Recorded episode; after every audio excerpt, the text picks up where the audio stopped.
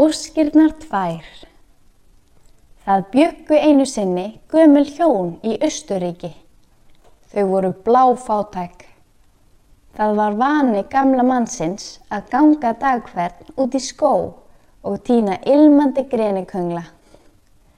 Úr þeim bjó hann til alls konar skrautgripi sem hann seldi ferðamönnum sem áttu leið hjá heimili hans. Dag nokkur var gamli maðurinn á gangi úti í skógi og heyrði þá eitthvert hljóð frá runneinum þar í grend. Hann horfi rannsakandi á runnan án þess að verða nokkur svar. En svo sá hann allt í einu pínu lítinn mann, klættan rauðum skarlatsklæðum. Hann var að reyna að losa sig af lítilli hríslu. Hann var svo lítill að vel hefði mátt setja hann í fingurbjörg. Gamli maðurinn beigði sig niður og losaði vesaringsmannveruna eða blómálfin af greininni. Gjörður svo vel, litli maður, sagði hann. Nú getur þú haldið leiðar þinnar, en í næsta skipti skaltu gá betur að hvar þú gengur. Blómálfurinn lagfærði född sín og sagði því næst með röttu sem hljómaði eins og lítil silfurbjalla. Þakka þér fyrir, gamli maður. Þetta mun ég launa þér. Ég gef þér tvær óskir. Þú getur óskað hvers sem þér listir og þér mun veitast það. Að svo búnu hvarf hann á milli trjána.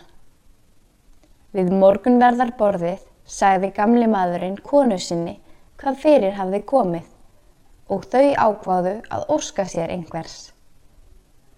Hvers eigum við að óska okkur, sagði gamli maðurinn. Óskaðu auðæfa, sagði konan. Ég óska þess að ég verði ríkasti maður í heimi, sagði maðurinn. Þá kom allt í einu óurleg vindkveða og er hún var gengin yfir voru gömlu hjónin komin í stort hús þar sem mikill fjöldi þjóna var á hlaupum fram og aftur. Þetta er gaman, sagði maðurinn og skipaði einum þjóninum strax að fylgja sér þánga sem fjársjóðirnir væru geimtir.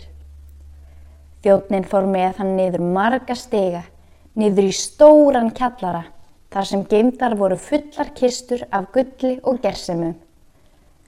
Gamli maðurinn hló ánægulega. Nú er ég ríkasti maður í heimi, hrópaði hann og hann settist niður við að telja gullpenningana sína.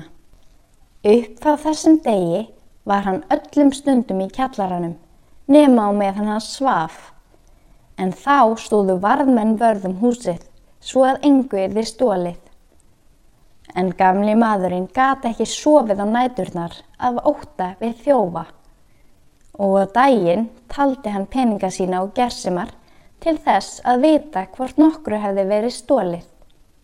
Við konu sína talaði hann mjög sjaldan. Og tímin leið. Loks kom þó að því að maðurinn sagði. Kona, við vorum aldrei svona óhamingisum á meðan við vorum fátæk. Þá týndi ég greni köngla á mornana og á kvöldin sungu fugglarnir þegar tunglið skein.